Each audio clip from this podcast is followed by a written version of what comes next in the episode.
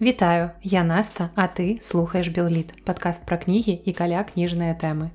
І сёння я записываюся, мабыць, з самага незвычайнага месца, дзе калі-небудзь толькі записывалася. І гэта прыбіральна кнігарні. Я спадзяюся што будзе добры гук. Здаецца мне падалося што гук нават лепшы чым калі я записываюся ну просто самой кнігарні. І сёння прыйшоў час навучыцца перастаць апраўдвацца за пэўныя паўзы ў падкасці Я думаю што вы прывыклі што я часам магу знікнуць. І зразумела што лепей калі я знікаю паводле ўласнага жадання. І ўсё ж такі падкаст не моя асноўная праца. На жаль пакуль што але я імкнуся да гэтага так што часам трэба папрацаваць на працы асноўнай асабліва калі ў цябе іх некалькі. Плюс ёсць праект майго жыцця можна так сказаць у выглядзе перакладу мары. Ну і часам трэба просто крыху сабрацца з творчымі сіламі. І вось паабяцала што перастану апраўдвацца і зноў апраўдваюся. Таму я заканчваю ўсё ж такі з гэтым і традыцыйна пераходжу да вашых пытанняў нагадаю што дасылаць паведамленні і нейкія пытанні за увагі прапановы гэта ўсё можна мне ў google форму спасылку ў апісанні да выпуску. І там жа моя пошта беллит пост сабака gmail.com і таксама калі вы слухаеце гэты падкаст на Ютубе ці ў кастбоксе ці ў іншым месцы дзе можна пакідаць каментарый под выпускамі то можете таксама пісаць нешта і там. Ну і зараз дзякуючы пытанню ад паула мы на некаторы час ператворым падкаст з літаратурнага у мовазнаўчы. Я нагадаю што ў мяне ўсё ж такі класічная філалагічная адукацыя таму вы можете задаваць мне пытанні не толькі пра кнігі але і пра беларускую мову. І ў межах сваёй нейкай кампетэнтнасці я спадзяюся на ўсё ж такі ў мяне ёсць я пастараюся даць вам адказ І дарэчы, напішыце мне таксама ў каментарыях ці ў Google формах ці на пошту, куды захочаце, напішыце, ці хацелі б вы, каб я ў падкасці разбірала, напрыклад, нейкія самыя распаўсюджаныя памылкі, якія я сустракаю, напрыклад, у кнігах я буду гэтыя памылкі з вами разбіраць такім чынам вы атрымаеце нейкую дадатковую карысць ад майго подкаста я так кажу нібыта ад майго подкаста ўжо ёсць нейкая карысць што будзе яшчэ нейкая дадатковая. Таму я зраблю ўсё ж такі свой падкаст карысны мне будзем з вами толькі забаўляцца і слухаць пра кніжачкі. Але будзем паляпшаць веды у галіне беларускай мовы. Ну і вярнуся да пытання ад паула гэта вельмі цікавае пытанне якое акурат мае дачынення і да мовы і да літаратуры. Давайте паслухаем гэтае пытанне.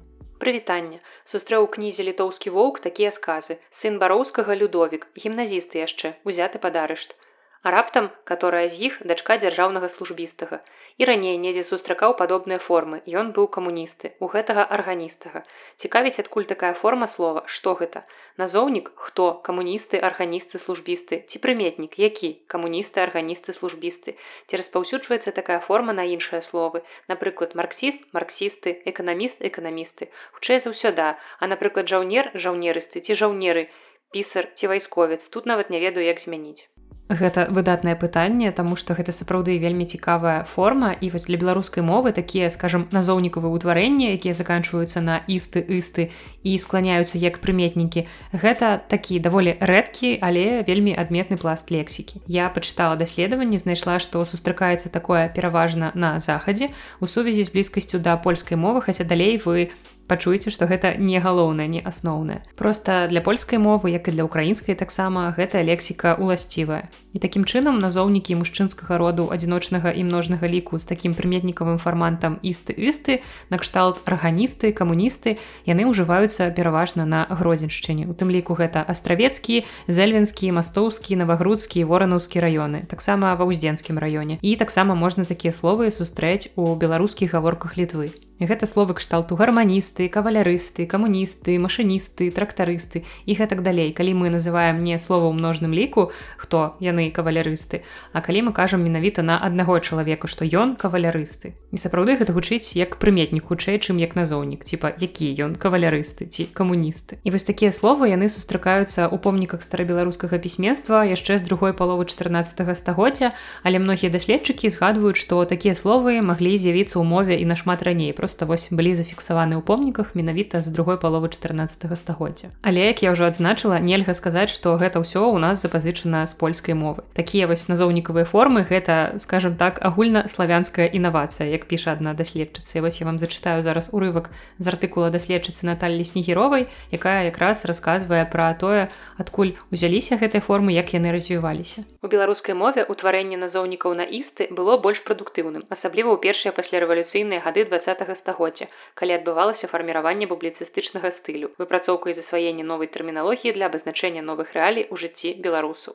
Гэтая словаўтваральная мадэль грунтуецца на пашырэнні лексем з фармантам істы, ага, замест рускага суфікса іст, а і польскага іста і.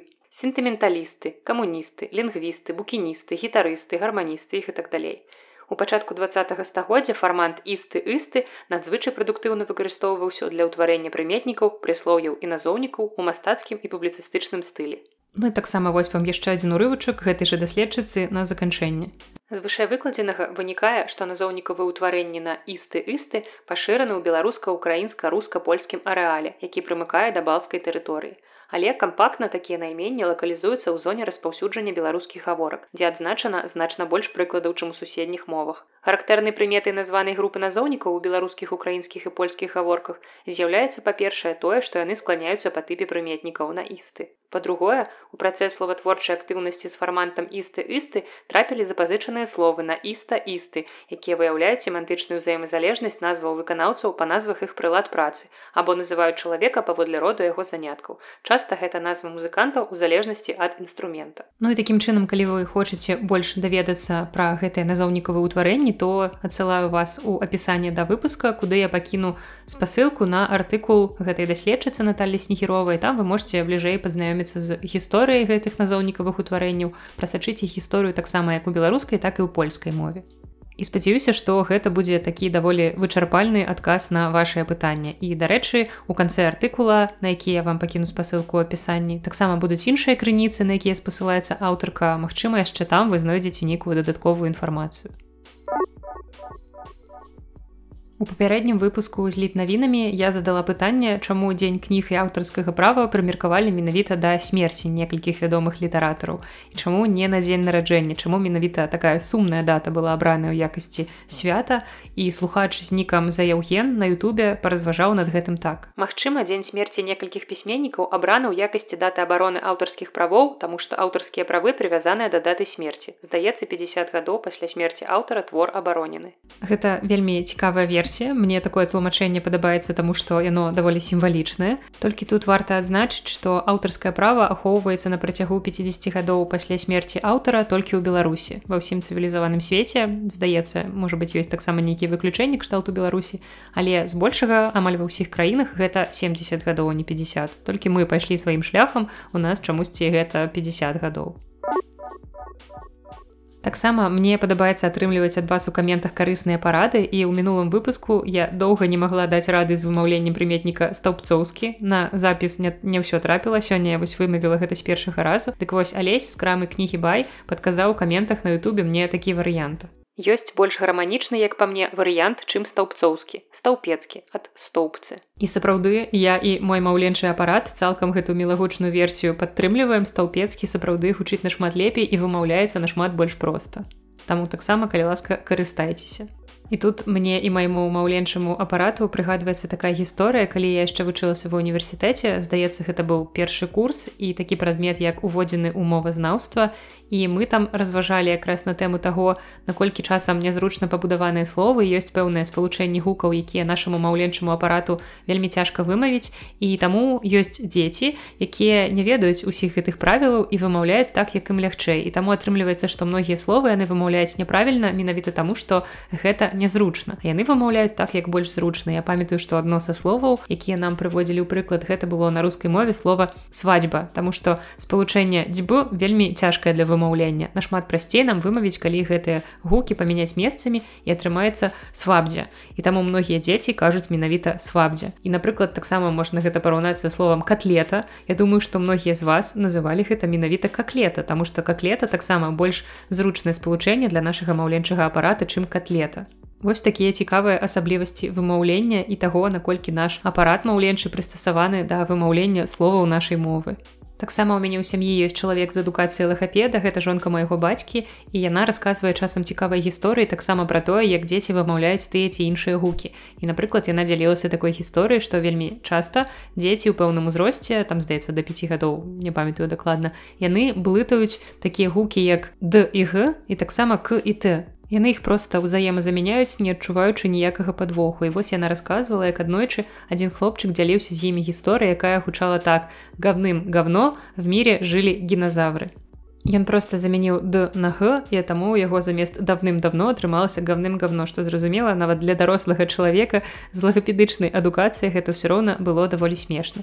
І таксама я сама паводле ўласнага досведу ведаю як дзеці могуць замяняць літары к і т. І часцей за ўсё гэта адбываецца перад зычнымі і таму замест слова трактар дзіцёнак можа казаць слова крактар або замест слова тры ён можа казаць слова кры і абсалютна не заўважаць нават калі ты кажаш яму гэтае слово выразна прамаўляючы першую літару т першы гук т все роўна гэты дзіцёнак будзе паўтараць яго па-свойму. Вось такія асаблівасці канешне ж трэба над усім гэтым працаваць ужо потым з лагапедам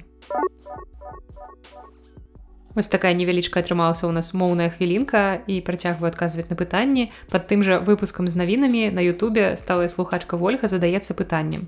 А вы таксама ў назве чытаеце літвінавы замест літнавіны і думаеце, хто такія гэтыя літвінавы і што яны зноў робяць у падкасці насты.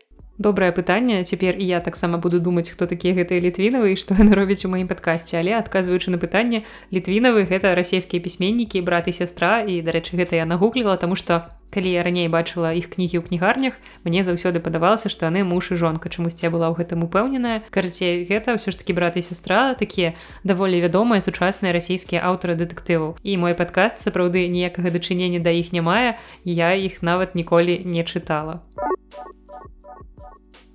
Ну і апошняе на сёння пытанне, якое проста немагчыма абмінуць. Яго ў Google формы мне даслаў чалавек з нікам не мікіта мелказёраў, але яно гучыць так: герміёна цірон уізлі. І тут я без ваганняў адказваю герміёна. Жаночая салідарнасць, горлспауа, ўсё такое і нам за нудным душнілам, як мне падаецца, трэба атрымацца разам. Ну а далей пераходзім уласна да 85 выпуска, хаця ўжо прайшло больш за 10 хвілін гэтага выпуска я толькі да яго пераходжу. І ў гэтым выпуску вас чакаюць абарончыя механізмы вашага мозгу спробы стварэння беларускай фантастыкі ў 90е дзяцінства ў нарвегіі і прабежка ў парку.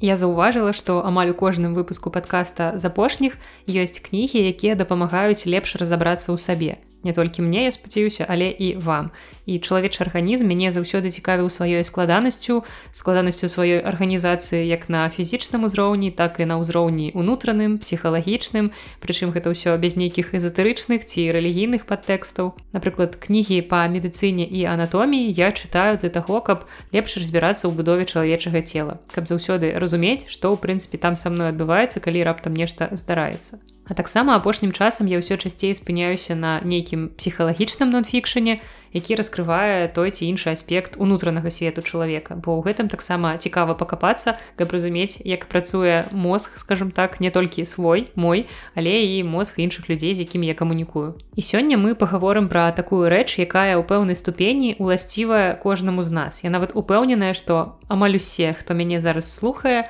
мае гэтую рэч дакладней выкарыстоўвае гэтую рэч і я маю на ўвазе ахоўныя механізмы. Мы выкарыстоўваем гэтыя механізмы, каб пазбавіцца ці пазбегнуць увогуле непрыемных пачуццяў ці нейкіх балючых фактаў. І гэта ўсё не абавязкова нейкія негатыўныя хітрыкі.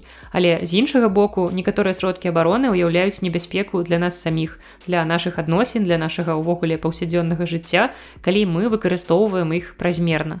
Гэта просто можа перашкаджаць нам жыць. Весці нармальнае, паўнавартаснае здаровае жыццё. І вось дзякуючы кнізе Джозефа Бурга, псіхааналітыка і псіхолага са стажам практыкі больш за 35 гадоў, вы зможаце даведацца, якія з гэтых механізмаў абароны вы несвядома штодзённа выкарыстоўваеце.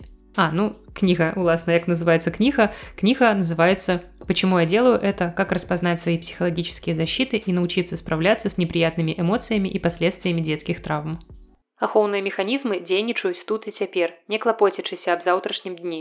Яны неабдуманыя і рэфлекторныя. Іх мэта пазбавіцца ад болю неадкладна, не задумваючыся пра тое, чым давядзецца плаціць потым. Аднак з часам мы можам ачуцца і ўсвядоміць ісціну.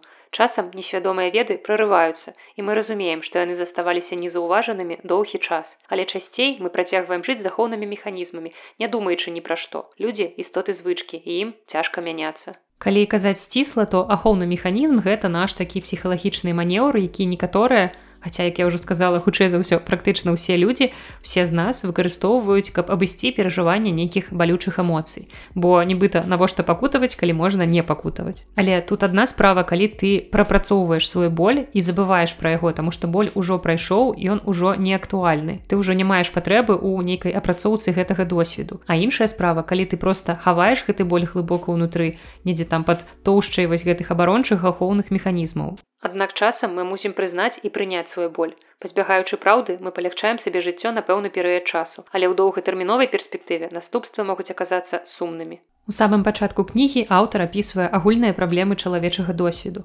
Першае гэта патрэба ці жаданне кантакту з іншымі людзьмі і залежнасць ад іх у плане падтрымкі і сувязі, а таксама супрацьстаянне фрустрацыі, расчараванню і бездапаможнасці ў гэтых адносінах. Карацей, першая частка гэта ўсё, што звязана з нашымі адносінамі з іншымі людзьмі. Другая праблема гэта пераадоленне складаных і балючых эмоцый, такіх як страх, гнеў і трывога. І трэцяя праблема гэта развіццё пачуцця ўласнай годнасці і самаацэнкі ў адносінах да іншых. І аўтар сцвярджае, што калі мы сутыкаемся з гэтымі праблемамі, асабліва тыя людзі, хто вырас у нейкім жорсткім асяроддзі ў дзяцінстве, дзе проста яго патрэбамі грэбавалі, то мы тады выпрацоўваем ахоўныя механізмы, каб абмежавацца ад наступнага болю і сораму. І вось пра гэтыя ахоўныя механізмы аўтар піша ў кнізе ў вельмі зразумелай і даступнай форме. Ён спалучае глыбокае разуменне гэтых механізмаў са стрыманай спагадай да таго, чаму мы іх выкарыстоўваем. Ён не асуджае нас наадварот, ён кажа, што ўсе карыстаюцца гэтым, гэта нармальна.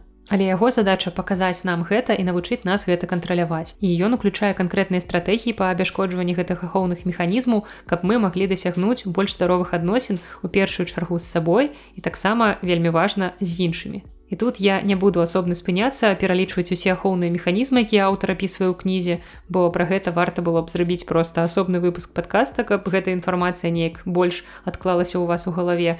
А вось у межах гэтага майго звычайнага такога агляднага выпуска гэта проста не мае сэнсу. Мая мэта пастарацца зацікавіць вас кнігай, каб вы ўзялі гэтую кнігу і самі даведаліся, якімі шахоўнымі механізмамі вы карыстаецеся ў паўсядзённым жыцці чытаць гэты псіхалагічны нонфікшн вельмі лёгка і вось лёгкасці дадае тое што тут вельмі шмат спасылак на поп-культуру на нейкія канкрэтныя падзеі рэальнага свету якія аўтар выкарыстоўвае ў якасці прыкладаў. Каб такім чынам больш даступна данесці інфармацыю да чытача каб мы маглі з чымсьці знаёмым вядомым суадносіць. Аўтар таксама прыводзіць мноства прыкладаў са свайго уласнага клінічнага досведу і яны таксама дапамагаюць чытачу зразумець і ўбачыць ахоўныя механізмы ў дзеянні. І ў канцы большасці глаў ёсць раздзелы які называецца практыкаванне які ў некаторым сэнсе можна разглядаць нават як кіраўніцтва па саматэрапіі і гэтае практыкаванне прызначаны для больш глыбокага пранікнення у моцна укаранелы ў нас ахоўныя механізмы абавязкова выконвайце гэтае практыкаванне вельмі вам раю каб кніга мела ўсё ж такі нейкі практычны эфект І яшчэ адна важная рэч, якую я магу адзначыць у дачыненні да гэтай кнігі, гэта тое, што яна вельмі шчырая. У адрозненне ад шматлікіх кніг у модным жанры self-help дапамажы сабе сам, якія пастаянна сцвярджаюць штосьці накшталт. Калі вы просто зробіце вось гэта, прачытаеце гэтую кнігу ці будетеце паводзіць сябе так, то вы будетеце шчаслівая вечна. То гэтая кніга яна нам расказвае пра тое, што быць добрым чалавекам вельмі цяжка. І нават гэтая кніга нам паказвае навуковыя прычыны, згодна з якімі быць добрым чалавекам цяжка. А потым кніга паказвае, як мы можам хаця б наблізіцца да гэтага. Яна нам не абяцае, што мы адразу станем найлепшымі ў свеце людзьмі але пакажа нам шлях да таго як гэта можна ў прынцыпе дасягнуць У канцы кнігі аўтар падкрэслівае, што гэтае падарожжа яно даўжынёю ў жыццё, як увогуле працэс знаёмства сябе з сабой. Ты ніколі не зможаш раскрыць усе свае таямніцы. Гэта проста бясконцы працэс, які адбываецца на працягу жыцця. І вось гэтае падарожжа яно таксама патрабуе ад нас уважлівасці і пастаяннага выхаду зоны камфорту. Але тут важна не забываць, што можна ў гэтую зону камфорту вяртацца ўсё ж такі. І канчатковая мэта гэтага падарожжа яна заключаецца не ў тым, каб цалкам знішчыць ахоўныя механізмы і проста іх пазбавіцца. Бо гэтага рабіць ні ў якім выпадку нельга, паколькі ў гэтых механізмаў ёсць сваё прызначэнне. Яны ўсё ж такі крыху палягчаюць нашае жыццё. Ну я думаю, што цалкам пазбавіцца ад гэтых механізмаў усё роўна наўрад ці у вас атрымаецца. І такім чынам наша мэта ўсё ж такі палягае ў тым, каб ліквідаваць нейкія паталагічныя аспекты гэтых ахоўных механізмаў, лепш дзейнічаць у правакацыйных сітуацыях і наладзіць кантакт з нашымі эмоцыямі.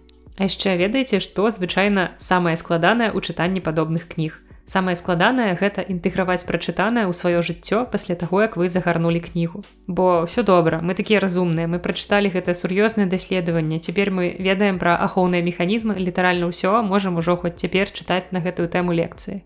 Але які ў гэтым сэнс, калі без практыкі усе гэтыя веды знікнуць з памяці літаральна ў наступныя некалькі дзён.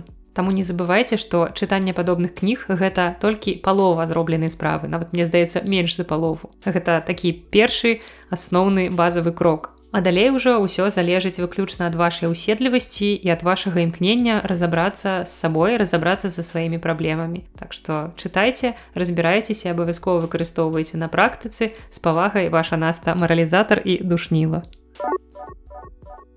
Наступная кніга ў сённяшнім выпуску гэта невялічкі зборнік апавяданняў нашай знакамітай пісьменніцы раісы баравіковай, які называецца вячэра манекенаў. Кніжка сапраўды невялічкая на танюткая кішэннага фармату тут усяго каля 190 старонак яе можна прачытаць за вечар, але паколькі гэта ўсё ж такі зборнік апавяданняў, то раю вам не спяшацца яго чытаць, чытаць адзін-два творы ў дзень, а не праглынуць гэтую кнігу адразу за вечар, Таму што творы ў гэтай кнізе даволі разнастайныя і пажадана рабіць дакладней чытаць чытаць іх з перапынкамі. Гэты зборнік з пэўнай нацяжкай я магу аднесці да фантастычных, бо ўсё ж такі там ёсць нейкія іншапланетнікі, якія спрабуюць зрабіць лепшым жыццё звычайнага беларускага мужычка. яны падкідваюць яму грошы ў кішэні, але такім чынам яны не паляпшаюць яго жыццё, а дораць яшчэ больш трывогі. Таксама ў гэтай кнізе ёсць гісторыя гальшанскага трохкутніка, гэта як бермудскі трохкутнік толькі гальшанскі. І таксама многія іншыя творы. І чаму я ў пачатку сказала, што ўсё ж такі гэты зборнік фантастычны з нацяжкай, бо рэч у тым, што калі калі ў дзяцінстве ты зачытваўся класікай сусветнай фантастычнай літаратуры такой як азімаў кларк хайнлайн і іншае то гэты зборнік усё ж будзе падавацца такім даволі прымітыўным. Таму гэта хутчэй фантастыка для чайнікаў гэта зборнік для людзей якія не вельмі абазнаныя ў фантастычнай літаратуры Але можа для кагосьці гэта наадварот стане плюсам для тых, хто чытаць фантастыку не любіць, але любіць беларускую літаратуру. Я тут кораценька прабягуся па некаторых апавяданнях, раскажу пра некаторыя сюжэты, каб не спойлерыць. Хаця я не сказала б, што усе апавяданні там маюць нейкія такія цікавыя канцоўкі, якія было б страшна праспойлерыць. Некаторыя ўвогуле немагчыма праспойлерыць, бо там няма нейкіх нечаканых сюжэтных паваротаў ці развязак. І вось такая абарванасць многіх апавяданняў для мяне стала адным з асноўных мінусаў кнігі. І пачнём мы з апавядання гальшанскі трохкутнік. Я ўжо пачала вам трошку раней расказваць пра яго. Гэта гісторыя прафесара адама нечыпаровича яго аспіранта па прозвішчы пракопчык. І гэта самы пракопчык под гальшанамі адкрыў анамалію накшталт бермудскага трохкутніка. Там ёсць такі анамальны паветраны слуп унутры якога няма нічога ніякіх электрамагнітных хваляў просто ўвогуле абсалютна нічога Ну і аспірант вырашыў паказаць гэта прафесару і прафесор вельмі неахвотна пагаджаецца, але ўсё ж такі яны едуць туды глядзець і вось якія прыгоды чакаюць прафесара ў гальшанскім трохкутніку, вы даведаецеся, калі прачытаеце гэтае апавяданне. Вось тут сапраўды ёсць нечаканыя сюжэтныя павароты, ёсць цікавая развязка і гэта якраз вось тое апавяданне, якое мне прыйшлося даспадобы. І твор гэты вельмі цікавы, падобныя фантастычныя містычныя гісторыі па матывах беларускай геаграфіі і беларускай культурнай спадчыны гэта такая вельмі плённая тэма для пісьменнікаў. І тут магу вам на ўздагон параіць зборнік аповесці ў сцяпаны стурэйкі, які называецца пасажыры карабля тысея, які выйшаў у мінулым годзе ў выдавестве Янушкевіч. І вось гэтая тэма там разгорнутая трошкі шырэй, Хаця тут таксама ёсць да чаго імкнуцца мне вельмі хацелася б каб аўтар над гэтай кнігай папрацаваў трошки больш і ператварыў тры вось аповесці якія ўваходзяць у гэтую кнігу у паўнавартасны раман Наступнае апавяданне раісы баравіковай, якое і дало назву зборніку, гэта вячэра манекенаў. І тут варта дадаць, што зборнік быў выдадзены ў 2002 годзе, а ўсе апавяданні для яго пісаліся ў асноўным у 90. Таму гэтае апавяданне глядзіцца для кнігі даволі актуальным, таму што ў ім закранаецца тэма аварыі на чарнобыльскай АС. Гераіня, якая даўно пераехала сям'ёю ЗША, аказваецца ў родным доме, які знаходзіцца ў зоне адчужэння чарнобыльская АС. І там забароненае пражыванне зразумела, усе жыхары адтуль выселеныя. Але ў гэтым забароненым месцы у зруйнаваным доме, куды вяртаецца галоўная гераіня ў свой дом, дзе яна правяла дзяцінства. У яе там пачынаюцца нейкія бачанні і на свае вочы яна бачыць памерлую маці іншых нейкіх знаёмых людзей і спрабуе выбрацца з гэтага зачараванага кола. Таксама там ёсць апавяданне са смешнай назвай ты я і володя і гэта не гісторыя пра трайнічок, гэта гісторыя пра сілу мастацтва і здольнасць карцін ажываць. У апавяданні ля берагоў Аўстраліі мы бачым галоўнага героя, якога завуць ігар халадневіч і аднойчы ён адчыняе дзверы ўласнай кватэры і бачыць там сваю поўную копію. Што ён будзе рабіць далей вы прачытаеце ў гэтым зборніку. І далей ужо не буду спыняцца на кожным апавяданні асобна. Ўсё ж такі магу параіць гэты зборнік людзям якія любяць эксперыменты ў літаратуры якія не патрабуюць нейкіх уцямных сюжэтаў і дакладных не адкрытых фіналаў. Просто цікава паназіраць за творчым пошукам беларускіх літаратараў галіне фантастычнай літаратуры тым больш што гэта было больш за 20 гадоў таму Ну і ў канцы сённяшняга выпуска новая невялікая рубрика нешта накшталт вартыя згадкі творы і тут я кораценька буду прабягацца па кнігах якія ўсё ж такі не настолькі мяне ўразілі ці абурылі каб атрымаць вялікую частку эфірнага часу але ўсё ж такі чымсьці мяне зацікавілі ў добрым ці дрэнным сэнсе. Буду пра гэтай кнігі расказваць проста літаральна парай сказаў і сёння гаворка пойдзе пра некаторыя кнігі якія я прачытала яшчэ ў студзені І пачнём мы з дзіцячай кнігі нарвежскай аўтаркі, якую я бязмежна люблю. Люблю зразумела аўтарку, але не гэтую кнігу. І аўтарка гэтай кнігі нарвежка Марыя пар, якую называюць сучасны Астрыд Лінкрен. А яе кнігі вафельнае сердце і вратарі моря пра прыгоды Лены і трылі з бухты шчэпкі Матыльды заўсёды называюць уліку топавых твораў сучаснай дзіцячай літаратуры. І калі мяне штосьці просіць параіць на ўзрост там ад 8 9-10 гадоў я заўсёды раю гэтыя творы. І таксама я звычайна падкрэсліваю, што ў плане развіцця дзіцячай літаратуры скандынавы проста ўпэўнена ідуць наперадзе ўсёй планеты і вось гэтыя дзве агучаныя раней кнігі мне б вельмі хацелася бачыць на беларускай мове.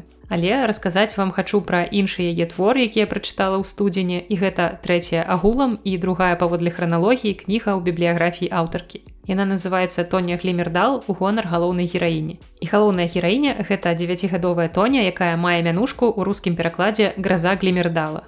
Зразумела, што нічога добрага не прыходзіць у галаву, калі ты чуеш такую мянушку. адразу зразумела, што гэта вельмі актыўная дзяўчынка. І Тоня жыве са сваім бацькам, маці яе не бывае дома, паколькі на біёлаг даследчык і ў горадзе, дзе жыве Тоня, няма дзяцей. Таму найлепшы сябар і хросны бацька дзяўчынкі гэта стары па імені Гунвальд. І хоць як такой кампаніі дзіцячай у дзяўчынкі няма, але гэта не перашкаджае ёй знаходзіць прыгоды і трапляць у розныя гісторыі. І гэта вельмі дзявочая дзіцячая кніга, прычым я кажу гэта не ў нейкім сексісцкім сэнсе і што маўляў чытаць гэтую кнігу варта толькі дзяўчатам. Не, наадварот, чытаць гэтую кнігу варта ўсім, але акурат для дзяўчат гэтая кніга можа стаць такім добрым прыкладам, што яны вартыя ўсяго найлепшага і могуць рабіць усё, што ім толькі захочацца, не зважаючы на нейкія гендерныя стэеатыпы. Таму гэта даволі мілая ў пэўнай ступені нават такая наіўная кніга пра актыўную і яркую дзяўчынку. Убачыўшы ў бібліятэцы вокладку наступнай кнігі, я пачала ціхенька хіхікаць. І гэта зноў жарт з рубрыкі 5 гадоў бакалаўрэату, год магістратуры, тры гады аспірантуры філфака, а я стаю пасярод бібліятэкі і ржу з кнігі, якая называецца прабежка в парке. І аўтара гэтай кнігі завуць Дэвід парк. І гэта што атрымліваецца прабежка ў аўтары. Вось такія філалагічныя жарты, літаратурныя каламбуры, якія вы заслужылі. Насамрэч апошнім часам я шмат увагі звяртаю на выданні расійскага выдавецтва паляндрыя No Age, бо яны выдаюць вельмі цікавую сучасную замежную літаратуру. Пераважна гэта такія не вельмі аб'ёмныя, не вельмі глыбокі інтэлектуальна, але вельмі цікавыя і актуальныя раманы і паводле зразумелых прычын кнігі самога выдавецтва апошнім часам я не купляю але я такая хітранькая я просто падглядваю назвы і потым гэтыя кнігі чытаю ў арыгінале ці ў англійскіх перакладах. Гэтую кнігу я просто таксама хітранька знайшла ў бібліятэц і гэты твор сапраўды пра прабежкі ў парку. Ўсё як абяцае назва. Гэта роман ірландскага пісьменніка дэвіда парка які расказвае пра групу незнаёмых людзей якія сабраліся разам на 9 тыдняў каб трэніравацца для ўдзелу ў забегу на 5 кіламетраў. І шчыра прызнаюся што гэта гэтай кнігай я зацікавілася ў першую чаргу таму што сама бегаю вельмі люблю гэты спорт і мне таксама цікава было пачытаць пра людзей якія па нейкай сваёй прычыне таксама выбралі гэты від спорту. Бо для многіх спорт вельмі часта становіцца акурат такой падтрымкай у цяжкія нейкія неспрыяльныя псіхалагічныя часы. Не абавязкова людзі ідуць займацца спортам для таго каб удасканаліць нейкі свой фізічны стан. Вельмі часта спорт гэта выдатны сродак для таго каб залечваць душэўныя раны. Напрыклад, сярод герояў кнігі ёсць Морыс, ён вельмі не прыстасаваны да жыцця чалавек, які смуткуе з нагоды страты жонкі. Таксама там ёсць бібліятэкарка Кэці, яе муж сышоў да калегі па працы. А медбрат Брэндон разважае пра свой будучы шлюб, ён перажывае, мае пэўныя сумневы і страхі і не буду пералічваць далей усіх персанажаў, але як вы зразумелі, што для іх нейкая фізічная частка гэтага занятку стаіць не на першым месцы. Таму вы разумееце, што кожны герой да гэтай прабежкі прыйшоў са сваёй гісторыяй. і мэта прабегчы 5 кіламетраў гэта не столькі нейкае фізкультурнае дасягненне колькі нейкі псіхалагічны бар'ер І гэта даволі лірычны, нават трошкі сентыментальны раман пра жыццё, пра змены, сям'ю, пра сяброўства і пра тое, што трэба рабіць, каб паклапаціцца пра сябе. І тут, як вы бачыце зноў адсылачка да першай кнігі ў нашым сённяшнім выпуску, бо вывучэнне асаблівасцяў свайго мозгу, сваёй псіхікі, у тым ліку такіх як ахоўныя механізмы, гэта таксама можна сказаць, што ў пэўнай ступені клопат пра сябе. Такі атрымаўся сённяшні выпуск не вельмі аб'ёмны, не вельмі доўгі, але спадзяюся, што ўжо праз тыдзень мы зноў з вами пачуемся і я зноў нікуды не знікну. І нагадваю, што калі у вас ёсць нейкія пытанні за ўвагі прапановы або вы хацелі б, каб я расказала пра нейкія канкрэтныя творы пра нейкіх канкрэтных аўтараў як беларускай так і замежнай літаратуры, то гэта вы можете мне напісаць у каментарыі або у Google формы спасылку ў апісанні да выпуску або у маю пошту, якую таксама вы знойдзеце ў апісанні да выпуску. І таксама хочу падзякаваць усім тым, хто з'яўляецца маім патронам на патрыоне. Гэта менавіта тыя мужныя людзі, якія дапамагаюць гэтаму падкасту існаваць шмат у чым, таму што дазваляюць мне прасаваць магчыма трошачку меней, каб заставалася больш вольнага часу на тое, каб записываць гэты падкаст. Таму велізарная вам падзяка і таксама спасылку на мой патрыон вы знойдзеце ў апісанні да выпуску і таксама там жа іншыя спосабы, якімі можна падтрымаць гэты падкаст. І памятайце, што падтрымка падкаста гэта не заўсёды рэч толькі матэрыяльная. Вы можете просто напісаць мне нейкія добрыя словы і гэтага таксама ўжо будзе даволі шмат, гэта нейкае пэўнае паліва для майго ўнутранага маторчыка, які дапамагае гэтаму падкасту рухацца далей. Таму дзякую усім, хто падтрымлівае гэты падкаст любым даступным яму спосабам, просто паслухаць падкаст гэта таксама ўжо велізарная падтрымка. Дзякуй вам яшчэ раз, а на сёння гэта ўсё. З вами была Наста і падкаст Белліт. Да сустрэчы.